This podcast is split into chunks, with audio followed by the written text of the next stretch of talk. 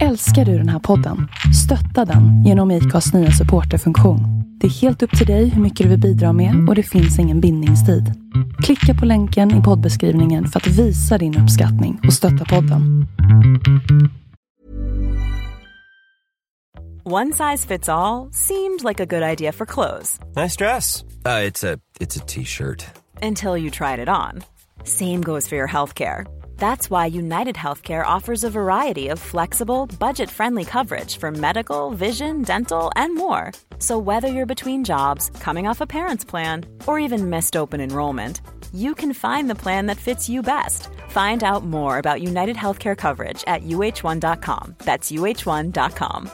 Ever catch yourself eating the same flavorless dinner three days in a row? Dreaming of something better? Well, HelloFresh is your guilt free dream come true, baby. It's me, Kiki Palmer. Let's wake up those taste buds with hot, juicy pecan crusted chicken or garlic butter shrimp scampi. Mm. Hello Fresh. Stop dreaming of all the delicious possibilities and dig in at HelloFresh.com. Let's get this dinner party started.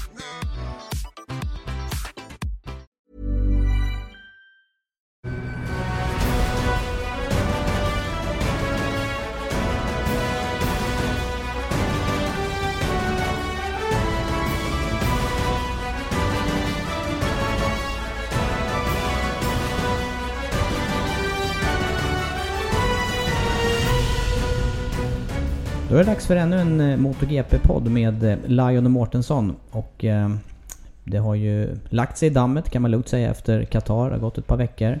Och eh, för mig känns det länge sedan det var premiärhelg Andreas. Hur känns det för dig? Likadant faktiskt. Två lediga helger. Det är inte vanligt i den här branschen tänkte jag säga. Men, men så har det varit. Men det är skönt att det äntligen drar igång igen. Mm, det ska verkligen bli skönt. Och eh, jag tycker att det är lite extra skönt också faktiskt att eh, den här gången inte vara på plats. Eh, Lång resa för, för förare och team för att ta sig till den här banan i Argentina. Ja, så är det. Även fast jag hade gärna åkt dit faktiskt så sett. Men, men det är lång resa, det är precis som du säger. Det. Framförallt när det har legat tätt på, på övriga race. Nu var det ju som sagt var ett par veckor emellan här så nu har ju folk säkerligen hunnit dit i tid och kan kunna förbereda sig på plats lite bättre. Ja, det får vi hoppas. Det var väl något år när Marcus höll på att missa flyg och allt vad det var. Han kom nätt och jämnt till presskonferensen. Mm, det är eh, ju precis det. långt, eh, långt att åka. Mm. Men du, premiärhelgen först då. Var det några speciella överraskningar som du tycker är värda att lyfta upp i efterhand? Eller någonting, några utropstecken? Ja, det är alltid lätt att vara efterklok, är det inte så? Jo, det brukar vara det. Det är därför Ja. det är så skönt att vänta på veckor tills man kommer med en analys och vettigt att säga. Ja, nej men, eh, men, eh, nej, men Marquez Dovizioso, eller Dovizioso Marquez som det blev, eh, är väl inte jätteförvånande. Eh, Det var ju trots allt de som slogs om mästerskapet förra året. Att Rossi skulle kunna vara med, det var lite överraskning tycker jag. I och med att det inte sett eh, speciellt bra ut på försäsongen. Eh, negativt, Vinales. Mm. Även fast han verkade hitta någonting under lördagens, race, eller lördagens kval till racet. Eh, Men ändå lite negativt eh, med hans placering tycker jag. Men det var alltså Dovizioso, Marquez som egentligen inte skilde någonting åt igen då i mål och sen Rossi precis efter. 27 000 Ja. ja, jag vet inte om vi nämnde det här i förra podden men, men det är ju värt att notera då att alla tre klasser, eh, differensen där mellan ettan och tvåan totalt var ju under två tiondelar. Ja, det är sjukt. På tre klasser. Det är sjukt. Och som du säger, några tusendelar här i MotoGP och det var ju jämnt i Moto 2 och ja, ja ni vet. Det, ni, var, ni det vet. var bra. Det, var, väldigt bra. Men eh, lite, lite positivt också tycker jag. Sarko, pole position. Mm. För hans del. Eh, Även fast han inte är rookie längre utan detta är hans andra säsong. Så även, eh, även fast han kvalar in i pole position så måste det... Det är en liten överraskning och en positiv sådan. Mm. Eh, kopplat till det då, då för att eh, det, det fortsätter ju ibland att glunkas om, eh, om däcken ihop med de här lite sämre resultaten då, eller när förare faller tillbaka. Som nu Sarko gjorde där. Det pratades om att det var något eventuellt fel på hans framdäck. Och något motsvarande var det ju eh, snack om Pedrosas bakdäck. Va, vad säger du om det? Ja nej, men eh, det, det har ju varit lite problem under åren med Michelin just att eh, det, det diffar lite kvaliteten mellan däck till däck och, och det är ju någonting som de måste komma underfund med varför det är så. Om det är så.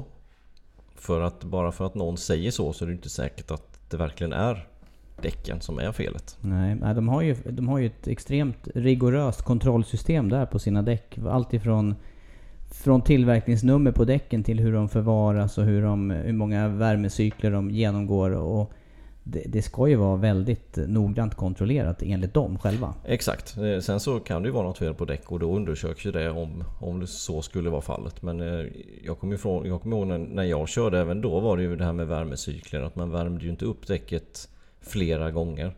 Det var man ju tvungen att göra med vissa däck för ibland så använde man ju inte något däck men då använde man ju det på träningar. Aldrig på, aldrig på race utan alla race jag körde, jag vågar säga sista 4-5 åren, då var det liksom en uppvärmning på det däcket. Punkt slut. Mm. Annars körde jag inte med det däcket, då tog jag ett nytt däck. Ja. Så att redan på min nivå i Sverige Pro Superbike SM så, så hade vi de kontrollerna som vi hade så att säga. Då, så ja, just det. då kan man ju tänka sig vilka kontroller som de har i GP-sammanhang och speciellt om MotoGP. Mm. Men ändå kommer ju de här klagomålen då från, från kanske från vissa förare lite mer. Ja, finns det någon förklaring till varför det just är några förare som, eh, som tar till det här, tar till det här tricket?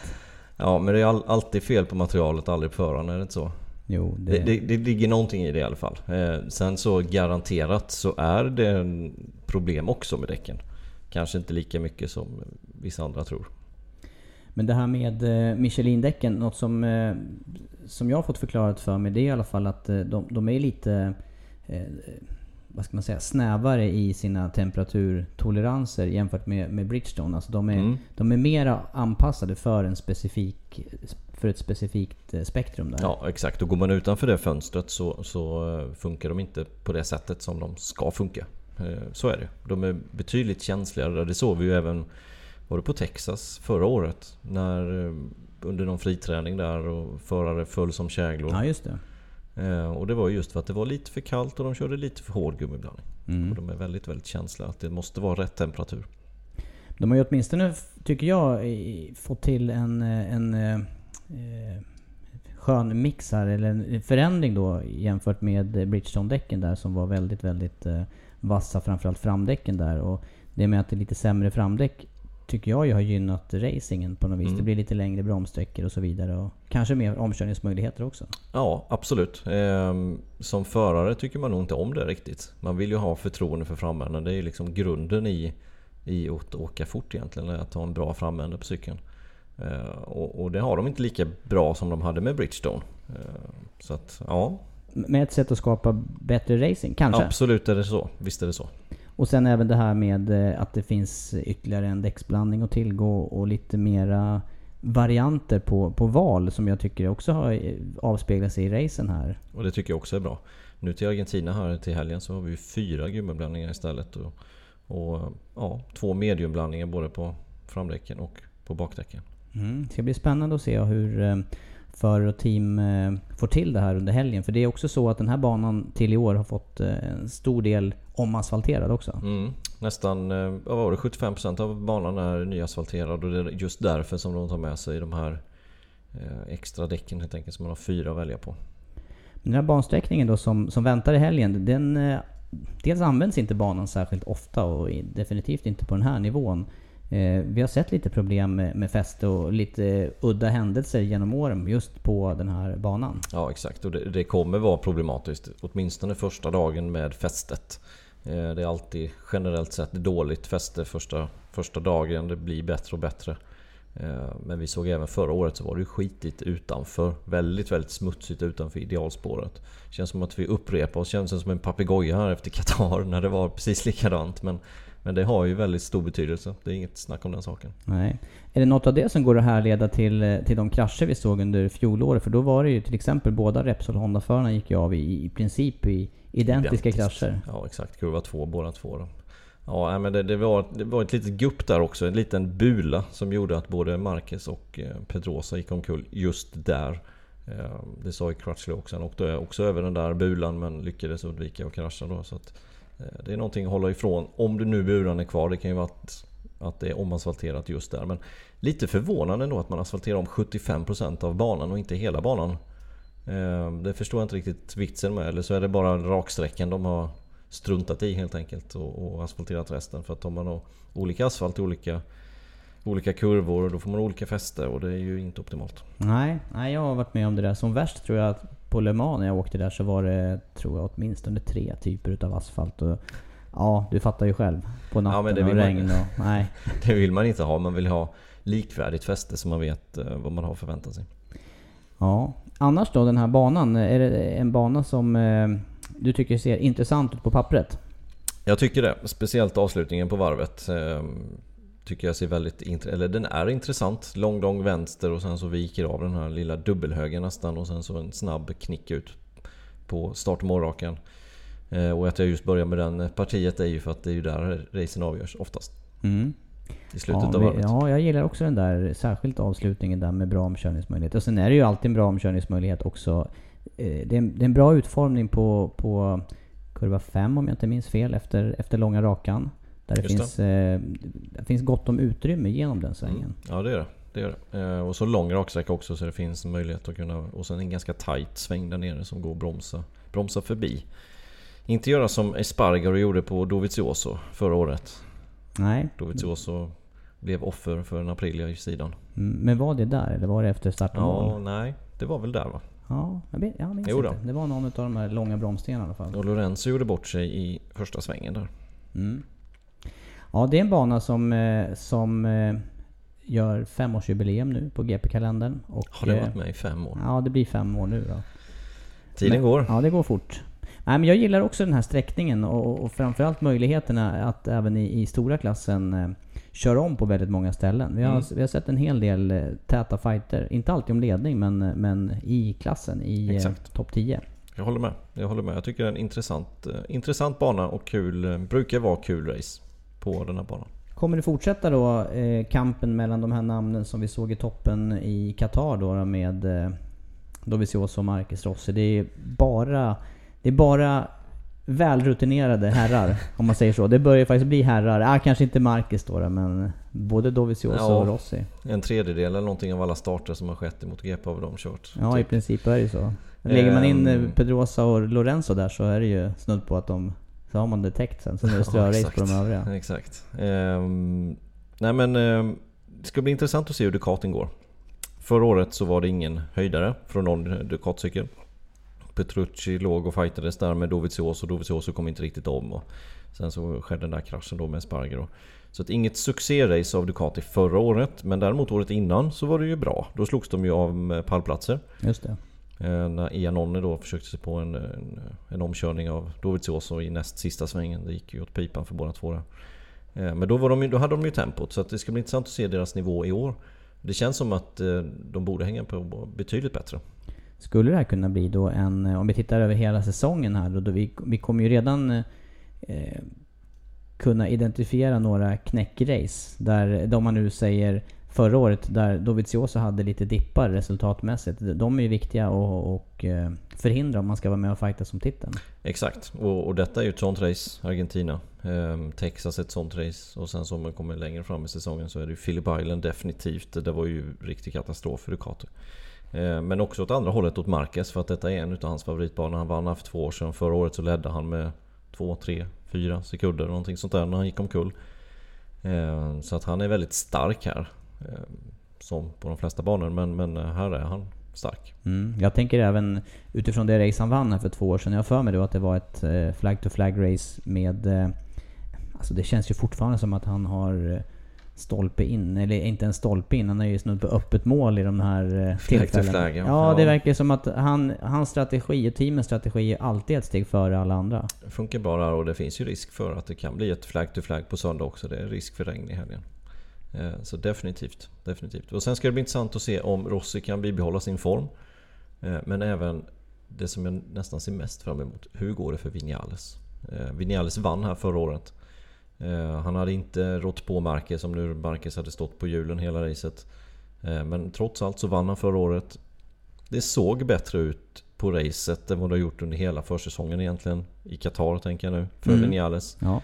Eh, Kan han bibehålla den formen? Kan han öka den formen lite grann? Eh, Det ska bli intressant att se.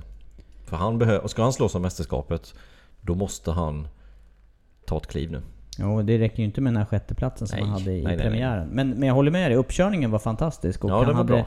Han hade, vad jag minns från Qatar-racet här, så hade han tempo för att åka i täten. Det hade han definitivt. Alltså när det var in, innan Dovizioso satte in den här stöten fem varv från mål.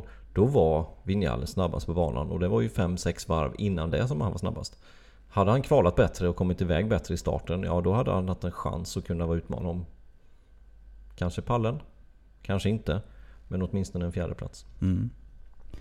Och det, det, det, ska bli intressant att se om man kan bibehålla den och, och öka den formen lite grann och, och, se var han står någonstans.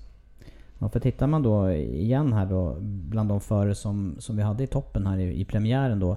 Det är förare med extremt mycket erfarenhet. Både i MotoGP men även utav att... Eh, eh, jag ska inte säga på Dovizioso att vinna titlar men, men på de övriga två där på pallen, Marquez mm. och Rossi, så är det mycket de är, de, är, de är snabba och lyckas komma förbi de problem som uppstår oavsett Exakt, var de är. Precis. De, de, de har en förmåga att ta sig ur dippar. Eh, och det är någonting som Vinales måste lära sig lite. Eh, apropå det då. Eh, för Vinales är en av de förarna som ändå med ganska raska steg tagit sig upp till, till största här, till MotoGP. Och eh, vi ser en tendens eh, där, där team mer och mer eh, försöker att tidigt signa förare från de mindre klasserna och, och knyta dem till sig väldigt tidigt. Är det en utveckling som, som är positiv? ja, det, det, är ju en jättesvår fråga. Ehm, vi såg ju senast här nu Bagnaia signad för Pramac Ducati till nästkommande säsong. Eller ska till och med om två år kanske. Ehm, så att trenden går däråt att man försöker hitta en ny, nya talanger helt enkelt i Moto 2-klassen Framförallt för att kunna plocka upp och, och, kunna göra som de gjorde med Marquez. Det har ju varit succé för hans del. Mm. Det tidiga, eh, tidigare exemplet också med Jack Miller där man plockade rätt ifrån motor ja, 3. Exakt, exakt. Det, det, har ju däremot inte blivit den succén. Men det beror väl kanske mer på vilket team han hamnade i från, från början. Där. Mm.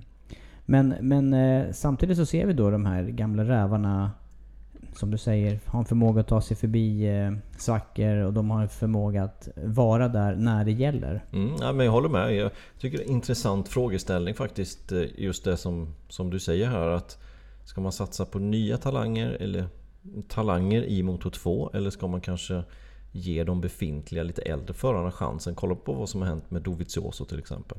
Han gjorde ju liksom sin debut i MotoGP för 10 år sedan. Eh, och det är först förra året som det verkligen släpper för honom. Mm, och då släppte det rejält? Då släppte det rejält. Sex segrar liksom. Så att, eh, han hade en seger på Donington 2009 och sen hade han en seger på, på Sepang 2016 och sen så hade han då sex segrar förra året. Så att, och sen nu seger direkt i premiären. Så att alltså... Ja, vad, vad, ska man satsa på helt enkelt? Det är jättesvårt alltså. Men där om du tar Dovizioso som exempel där. Eh, när han klev upp i MotoGP då var det ju Scott Honda från början. Ja. Eh, och sen eh, åkte han även Repsol och så var det Tektroa-teamet och sen fabriksstyrning igen hos Ducati när den inte var så Exakt, stark cykel. Den var ju ganska dålig den Ducati-cykeln ja. när han hoppade på det tåget. Och sen har ju ja, delvis han gjort Ducatin till vad den är idag. Men sammantaget där, och som jag tycker man borde värdera högt i, i eh, depån där, det är ju det här med eh, erfarenhet både i antal race och, och och förmåga att prestera över hela säsongen. Men även den här erfarenheten att ha åkt eh, flera olika fabrikat som, som Dovizioso är ett typexempel på. Mm, och kunna jämföra lite vad, vad starka sidor är och hur det ska kännas i vissa situationer och så vidare. Eh, men det kan absolut ligga någonting i det. Att teamen kanske har lite för bråttom att lyfta upp talanger istället för att hitta en sån som Mark Marquez. Det gör man en gång var 20 år. Ja, som bäst kanske. Ungefär. Ja, för det är ja visst. Och ta titeln första året och sen eh, fyra titlar efter det. Eller tre titlar efter det och fyra totalt liksom. Det är, det är helt osannolikt egentligen. Och, och, en sån talang hittar man ju väldigt, väldigt sällan. Mm. Det såg ut lite grann så tyckte jag ändå på förra året, eh, försäsong och inledning på året där med Vinales. Att nu smäller det till för honom. Precis. Ordentligt. Men sen, sen fick han en liten motgång och den motgången har han inte kommit ur fortfarande. Eh, och det kanske ja, det, det gäller ju att komma in i rätt, rätt läge, rätt team, rätt förutsättningar. Till sin egen körstil. Mm. Det gäller ju att ha lite flyt där också helt enkelt. Hur förklarar man då till exempel att Yamaha har eh, gjort klart med honom vidare här nu då, två år till? Är det, är det för ett sätt att lugna honom i... Ja det är inte alls omöjligt att det, alltså de tror ju stenhårt på honom. Han, de vet ju vad han kan givetvis. Sen så hade han ju diverse omständigheter förra året. Till exempel det här med däcken. Att, att de bytte stommen på framdäcken. Det passade inte han alls och sen kom ingen fler segrar. Eh, får de det väl att stämma så kan mycket väl Vinales vara en, en av de här supertalangerna, absolut. Hur mycket tittar man på övriga omständigheter då i livet för, för förarna? För jag menar, det är ju inte, det är inte maskiner det handlar om, långt därifrån. Och det, du vet ju själv vad som krävs när man är ute på banan. Det, det är bra om det är balans i livet i övrigt. Mm, det, är, det är det definitivt. Det är inget snack om den saken. Det är klart att det måste vara balans i, i förare och hur, hur man lever, hur man tränar. Det finns ju exempel på det i MotoGP där, där det inte finns balans och då kommer inte resultaten heller. Nej, jag tänker eh, på, tänker på några speciella namn. Där blev jag nyfiken på. Vem, vem tänker du på? Nej, det, det, det, första som slog mig var Janon i det här läget. Ja, men lite så va. Alltså... Ja, han kan köra motorcykel men han verkar inte sköta det runt omkring. Nej. Eh, och, och sen vet vi ju inte fullt ut till exempel som Jonas Folger, vad jag pratat Nej. om tidigare. Vad, vad den egentliga orsaken är eller vad, vad faktorerna är som gör att han inte är på startlinjen i år överhuvudtaget. Exakt. exakt. Han har haft, och, och han har haft dippar förut. Kanske aldrig kommer tillbaka. Nej, det kan vara så. Det är, det är, ju, jätte, det är ju jättetråkigt. Det tycker jag också. Alltså, det har vi pratat om förr, men hans resultat på Saxering förra året är ju helt eh, outstanding. Helt outstanding. Mm. Men jag tänker på en sån kille till exempel som Petrucci. Han har nu chansen att kliva upp i fabriksteamet om han nu... Ja, han har en option på det helt enkelt. Om det kommer hända eller inte, ja det beror lite på Ducati och de andra förarna i Ducati. Kommer de signa Lorenzo Dovizioso?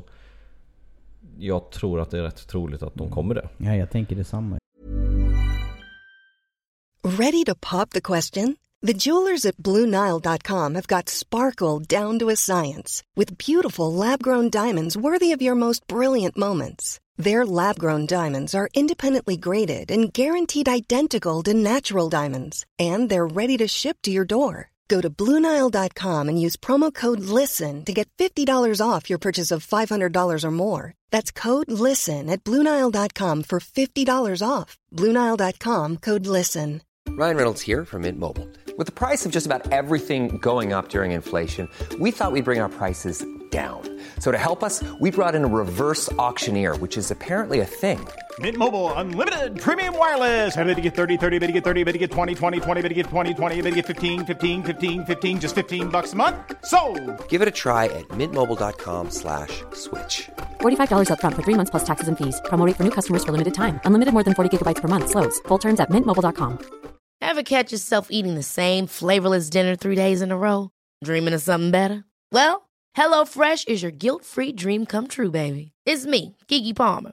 Let's wake up those taste buds with hot, juicy pecan crusted chicken or garlic butter shrimp scampi. Mm. Hello Fresh. Stop dreaming of all the delicious possibilities and dig in at HelloFresh.com. Let's get this dinner party started.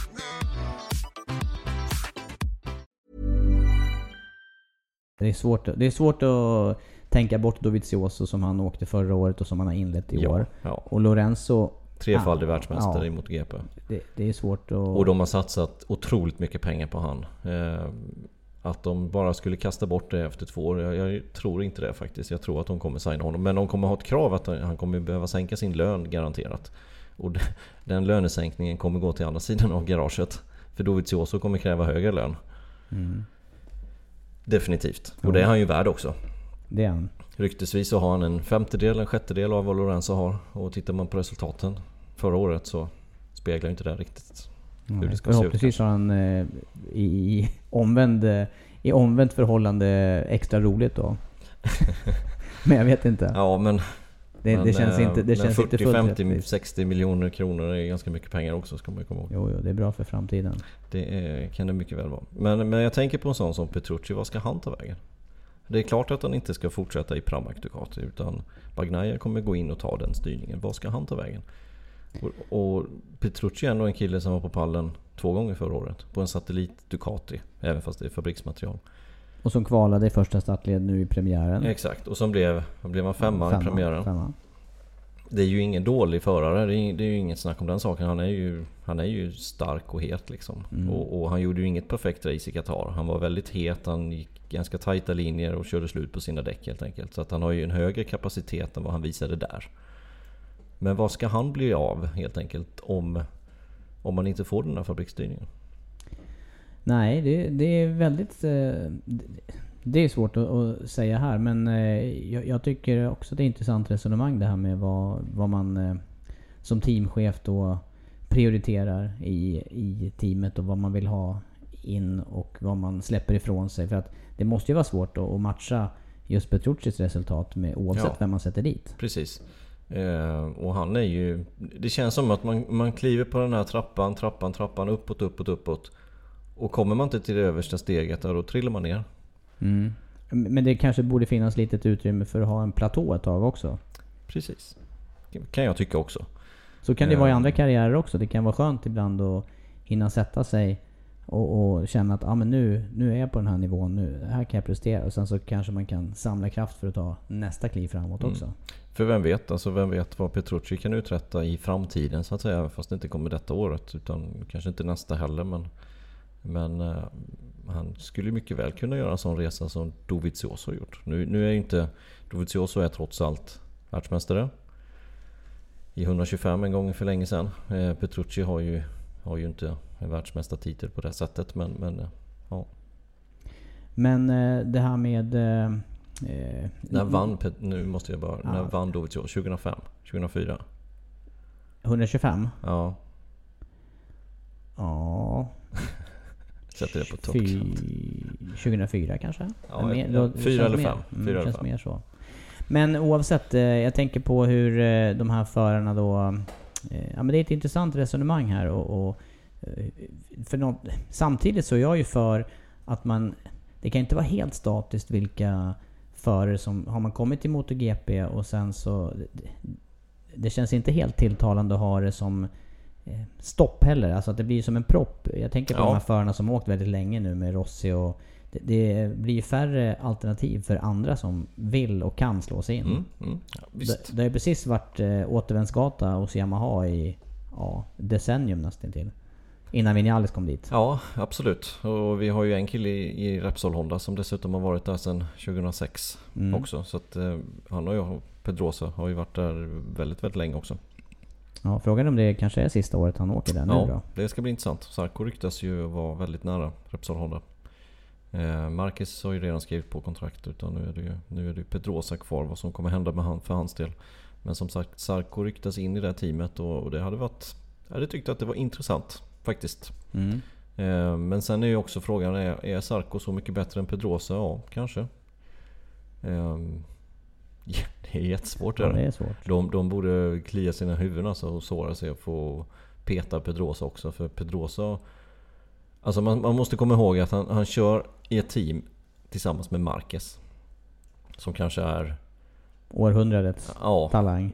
Exakt. på. I alla fall 2000-talets. Definitivt. Och han slår Marquez på likvärdigt material. Kan det finnas någonting svårare att sitta på en identisk motorcykel som Marquez? Det kan inte vara lätt.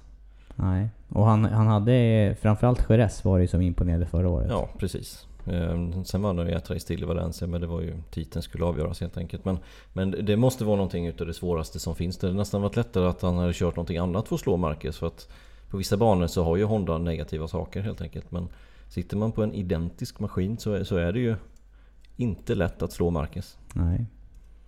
Nej, det är delikata problem här. Och, men någonting som går att konstatera det är att det är någonting alldeles extra. Eh, många utav förarna som åker MotoGP, det är, de har ju någonting utöver det vanliga. Eh, och vad, vad är det, vad är, finns det någonting man kan peka på som, som gör att just de här förarna är där de är? De är extremt bra på att köra motorcykel. Det är, det, det är framförallt där de är. Där. Sen, sen finns det många, många andra orsaker givetvis. Men, men att de är extrema. Vi, vi brukar ju prata om att ja, men de har däcken där och de lägger upp racet hit och dit. Men alltså man ska se dem köra. De kör så ofantligt fort. Det är helt sjukt hur fort de kör. Eh, Och vilken kontroll de har på, på speciellt fram tycker jag då in i svängarna. Hur, hur, hur, eh, hur fort de går in i svängarna helt enkelt. Jag tycker ju också att vi kan se med blotta ögat skillnader vid bankanten när man står och tittar. På olika så, förare, Så ja. ser man ju Ja, det faktiskt även i, i stora klassen nivåskillnader. Och då vet man ju att eh, överlag så är de förarna som kommer till MotoGP, det är de vassaste. Eh, och även där finns det nivåskillnader. Det Visst. syns ju. Visst, visst gör det så. Med var de hamnar på, på banan och hur de placerar cykeln varv efter varv efter varv. Mm. Ja, vi, inte- vi såg ju det på vårmappen. Vi var ute och tittade lite på, på vårmapperna i Qatar. Hur, hur man lägger upp spåret. Det var ju ut ur kurva två. ja. två. Och där såg man ju vilka som, som körde bäst linje. Och det handlade ju om, om eh, inte ens decimeter utan centimeter. Och, och sen så sa man de här förarna de, de hade bra linje, bra tryck ut i svängen. Och så tittade vi på tidsresultaten och sen så var det ungefär så. De förarna som vi sa, de var ju topp fem. Och det är ju därför också många har, eh, tänker jag, eh, anammat det här med att ha en, en eh, hjälpreda vid bankanten på snart sagt alla pass. Fråga Crutchlow vad han tycker om det. Jag vet vad han tycker om det. Han tyckte det var helt värdelöst. Han är ganska frispråkig i alla fall. Ja, det, det gillar jag. Ja, det, det tycker jag jag, också. det uppskattar jag att höra. Han tyckte att det, Inifrån. vad spelar det för roll? Det är jag som kör, ser lika bra ungefär. Ja. Men, eh, nej men frågan är åt vilket håll... Vi, vi har ju i alla fall en... Eh, vi har i alla fall haft en... Eh, eh, ett tillskott på yngre förare på senare tid som också har kommit in i, i fabriksteam. Och jag gillar också den här utvecklingen att, eh, att även eh, de olika fabrikaten förser även sitt toppsatellitteam med bra grejer. Mm, det tycker jag också. Det tycker jag att alla... All, jag förstår inte varför... Eh, varför inte Yamaha gör på samma sätt faktiskt. Eh, mer uttalat än vad man gör idag. Eh, För Honda har ju så med LCR-teamet. Ja exakt, och Ducati har så med Petrucci. Yamaha har det inte uttalat med Sarko, även fast när vi pratade med, med Jarvis i, i Qatar så sa han att Sarkos hoj är väldigt, väldigt, väldigt snarlik mot det som Rossi Vignale kör. Däremot så är Syrins hoj betydligt äldre. Eller betydligt annorlunda. Just för att han inte behöver, han är rookie-klassen och inte kört speciellt mycket. Men de har ju inte fortfarande uttalat att Sarko är på en fabrikshoj. Eh, och, och det tycker jag de borde ha gjort faktiskt. Det hade varit bra både för Yamaha och för Sarko och för Tektra. Ja, för utvecklingen av hela... Och vem vet vad Tektra hade gjort om det hade varit så. De kanske hade stannat kvar hos Yamaha istället för att gå till KTM. Ja, det är ju mycket möjligt efter... Det är inte omöjligt i alla fall. Nej, nej. Det är det faktiskt inte. Nej, det är en delikat fråga att behandla längre fram här. Vad, vad, vad eh, eh, Yamaha kommer att göra med eh, eh, vil- vilket team som man kommer stötta framöver. Mm. Ja, jag, jag tror, så vi, så vi pratar lite om det också. Ja, kan vi, är du sugen? Eller ska vi spara oss? Har vi tid? Ja, vi, ja. Nej men, eh, men jag tycker det har varit intressant faktiskt med Mark VDS. Vi har varit inne på det tidigare också att Mark VDS är ju ändå tredje team hos Honda. Innan när, när Crutchlow har varit ensam i LCR Då har ju det varit mer som en fabrikscykel också. Och då har man blivit kanske egentligen andra team hos Honda. Men nu när Nakagami har tillkommit, ja, då har det blivit ett, ett rejält tredje team helt enkelt. Och det har vi ju sett på resultaten också. Speciellt förra året. Nu är det lite bättre i år. Just för Morbidelli fått lite bättre grejer. Eller rättare sagt Hondan förra året var lite bättre. Mm. Och det är den Hondan som Morbidelli kör i år då. Eh, Men varför inte Mark VDS? Mm, För att- kanske, kanske finns en poäng också framåt här. Vi får väl se hur länge Rossi kör och om det ska bli något MotoGP-team runt honom också. Efter, efter Ja. avslutad karriär. Men då får man ju blicka två, tre år framåt. Tre år framåt blir det ju nu. Ja det blir det. Minst. det, blir det. Men, men kolla på Mark VDS, det är ju ett välskött team. De har team i Moto 3 i spanska eller junior-VM. De har team i Moto 3, ett toppteam med Mm. Canet och Lopez. De har ett toppteam i Moto 2 med Marquez och Mir. Och de vann mästerskapet förra året. Men de är ingenstans i MotoGP för att de har inte tillräckligt bra material. Nej. Ehm, Så jag tror de kan också vara sugna faktiskt på att, att byta upp sig. Ja, det skulle vara intressant. eh, eller skulle vara intressant. Det är klart att det är bra, ett bra alternativ naturligtvis. Från, från eh, Yamahas sida. Och sen så en annan synergieffekt är ju att Morbidelli tillhör VR46 Academy som var nära och sen har ju Yamaha nära, nära kontrakt eller nära kontakt med just eh, VR46, alltså Rossis Academy. Och Morbidelli kör för dem. Jo visst, det finns en naturlig koppling Ja men det, det finns ju det. Det Mm. finns ju det. Eller redan nu finns det en naturlig koppling. Ja exakt. exakt.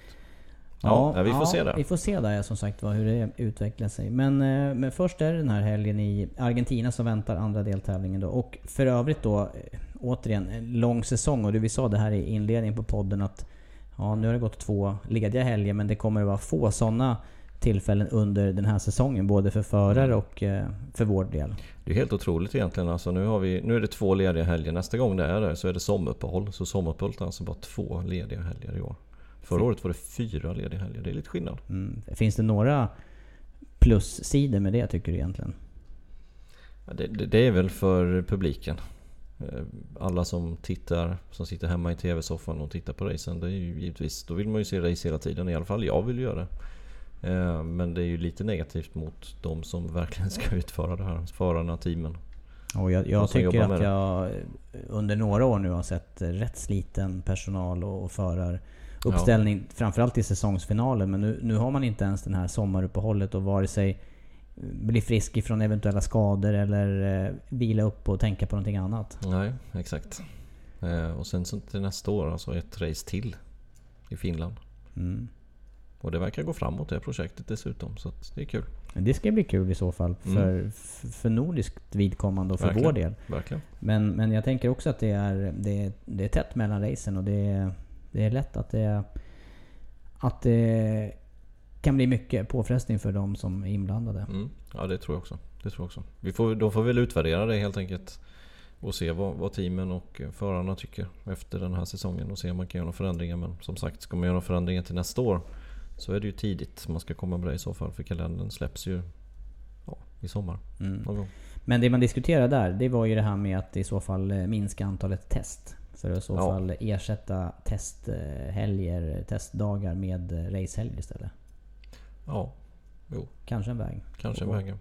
Om man kan göra det lika många dagar helt enkelt. Mm, precis. Det är väl det det handlar om. Ja, fall vi blev något klokare på det här med, med förarkontrakt, yngre, äldre förare eller liknande. Det vet jag inte riktigt efter det här men... Nej, men om, vi, om vi säger så här då Tobias. Vad, vad, ehm, om vi nu säger Bagnaia in, Petrucci ut. Mm. Vad tycker du om ett sånt byte? Eh, Jag tycker att det är ganska högriskval ifrån eh, Ducatis sida och från Pramacs sida. För att, eh, som jag sa här när vi snackade, det, det känns som att det, det är svårt att ersätta någon som ändå med jämna mellanrum är med i topp 5 i resultatlistan i, i MotoGP. Och dessutom ett par pallplatser. Mm. Ja, även fast Bagnaia är ju en talang också utöver det vanliga. Han är ingen, han är ingen Marquez. Nej. Han är ingen Marquez. Men han är heller han- ingen dussinförare. Det är han verkligen inte. Han vann första racet nu till exempel mot två i Qatar. Mm. Och spås en lysande framtid. Jo, det, måste, det måste finnas utrymme att plocka Men då kanske man skulle plocka in honom bredvid Petrucci istället. Och nu har man ju satt in eh, Miller på den andra cykeln där. Mm. Och då hade det kanske i mina Petat ögon... Mil- Miller istället. Ja, exakt. Mm. Kan inte Miller utvecklas då? Jo, det, det ska han också kunna Han har ju göra. suttit på en, en, en Jo, det gammal klart. slö Honda nu i vi tre år. ja, Vi får, vi får, det får vi inte facit på för Ja, senare. det är supersvårt. är Ja, det är svårt. Och det kommer ju nya talanger hela tiden. Ja. Det är ju det. Och de som redan finns, de är ju duktiga. Någon måste ju ut också, det är ju så. Mm. Ja, något som har varit lite sämre av dock, det har ju varit det här tillflödet ifrån eh, från andra serier. Stockserier Ja. eller Superbike. Till och med Superbike-VM har ju på något vis... Där, ifrån det hållet har ju nästan stängts dörren helt och hållet. Ja, i år är det fem förare som kommer nya till klassen. Alla från Moto 2. Mm. Inte någon annanstans. Utan det är, det är, just nu är ju den tydliga vägen, har varit många år i och för sig, det är ju GP. Jo. Alltså Moto 3, Moto 2, Moto GP. Eh, Svårt att ta sig från någon annan serie. Det verkar så va? Ja, det är, det är, det är tufft. Det är tufft. Förmaterialet är inte lika bra helt enkelt i stockserierna som det en gång var. Nej. Det det är, det är sämre. De sämre. riktiga talangerna kanske fångas upp tidigare och matas in i olika talangkupper. De här Asia Talent och Red Bull. Rookies och liknande. Tittar man på, på Superbike körde ju på, i Thailand här nu senast. Jag såg Supersport-racet där och eh, Cortese tog ju steget över dit. Han fick ju ingen styrning mot två. Tog steget över till Supersport-VM. Han var ju på pallen i Phillip Island och om inte jag minns fel så blev han fyra nu i Thailand. Eh, Tre, fyra första två racen. Mm. Ja. Och han var inte i topp i, i Moto 2 på något vis. Nej, han, han är ju duktig, det är inget snack om den saken. Eh, Men han var ju inte så bra i Moto 2. Nej. Och sen gå in dit och så göra de bra resultaten ändå på nytt maskinmaterial. I ett satellitteam på en Yamaha Calio Racing. Eh, Det, det är inte förvånande men, men lite synd om de befintliga förarna i Supersport. Mm. Ja, För det, tänkte- det är tre, fyra stycken som är riktigt, riktigt bra. Men sen är det inte superbra kvalitet. Nej. Inte om man jämför med GP. Det- Nej, det- jag, alltså- jag, jag, jag tittade också på brittiska mästerskapet här i helgen på Donington och då var det ju eh, Bradley Ray som vann dubbelt. Eh, och, Var kom han ifrån? Ja, var kom han ifrån? Jag har för mig att jag har sett honom i, i Red Bull Rookies Cup här. Utan, Okej. att, utan att ha dubbelkollat det här så tror jag att det är så. Och då har han ju redan varit i en sån här talangserie Just det. Och åkt. Och han matchar ju och, och svarade på Haslams attacker eh, ordentligt i andra racet i alla fall. Ja, men det är kul. Ja men det är, kul. Ja men, kul. men som sagt det, det, är ju, det sänker ju lite grann de övriga där i... I den serien, I den ja. serien, Jo ja. visst, men nu är ju brittiska, det är ju en nationell serie ska Jo, man komma ihåg. Det är ju är inget så. världsmästerskap så, även fast det är många som tror det kanske. de tror det själva. Nej men det är ju stort. Ja, det är det är ju stort. jätte, de har gjort det jättebra i England faktiskt, tycker jag. Riktigt, riktigt bra. Men som sagt, för att komma till MotoGP så bör man gå via Moto3. Det Mm. går att ta andra vägar, men det är svårare. Det hade Ja, varit kul dock om de lyckades.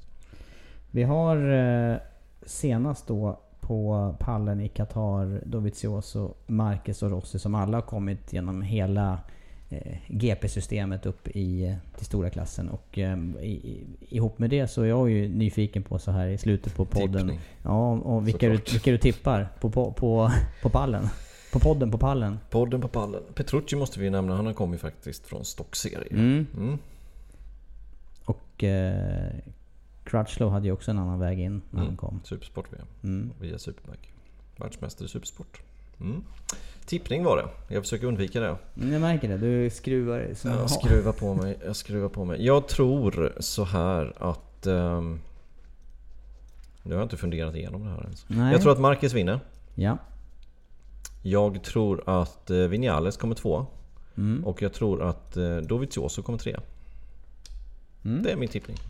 Hur tror Hur Tobias tror, hur Lajon? tror jag? Jag tror att... Eh, jag tror att Rossi kommer vinna. Det tror du alltid. Nej, inte alltid. Jag minns en... eh, sen, jag tror att det är samma pall, alltså samma förare på pallen men i annan ordning som eh, i premiären. Okej. Rossi, eh, Dovizioso och Marquez tror Mm. jag i den ordningen. Intressant. Och efter... Så vi redovisar resultatet från första. Jag leder ju 2-1. Ja, det, det förstår jag att du vill redovisa. Då. Ja, exakt. Så då, då, ja, hur blev det där? Dovizioso, Marquez, Sarko hade jag. Det vill säga att jag hade Dovizioso, Marquez på rätt plats. Du hade Sarko, Dovizioso, Rossi. Eh, Det vill säga att du hade Rossi på rätt plats. En Mm. poäng. 2-1 till mig efter en omgång. Mm. Det här är omgång nummer två. Ja. ja och när det- vi drar vi igång? Fredag. Fredag eftermiddag, Mm. 14.45. så är det. Och denna helgen på Viasat Sport. För att det är F1 i Bahrain samma helg. Det är bra. Mm. Racet klockan 20.00 söndag. Perfekt. Viasat Sport. Kvällsarbete, kvällstid och eh, sitta och njuta utav MotoGP då på... Sovmorgon. Ja, det, det är det. Fantastiskt. Jag Mm. tycker ju om det. Ja, nej, det blir spännande. Vi får, eh, vi får tillfälle att eh, återkomma med hur det här blir. Framförallt tippningen då på söndag. Efter racet. Kan direkt påminna om, om hur, hur vi valde där. Ja, Nej, jättebra Andreas. Eh, Vi avrundar den här podden och så ser vi fram emot ännu en spännande racehelg.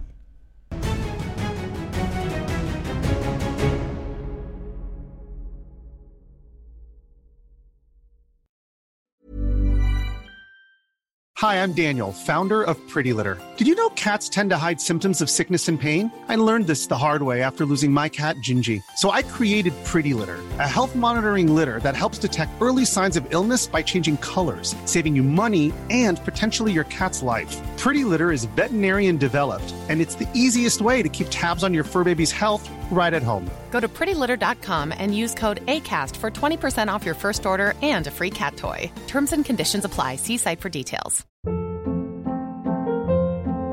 Hold up. What was that? Boring. No flavor. That was as bad as those leftovers you ate all week. Kiki Palmer here, and it's time to say hello to something fresh and guilt-free. Hello Fresh. Jazz up dinner with pecan-crusted chicken or garlic butter shrimp scampi. Now that's music to my mouth. Hello Fresh. Let's get this dinner party started. Discover all the delicious possibilities at hellofresh.com.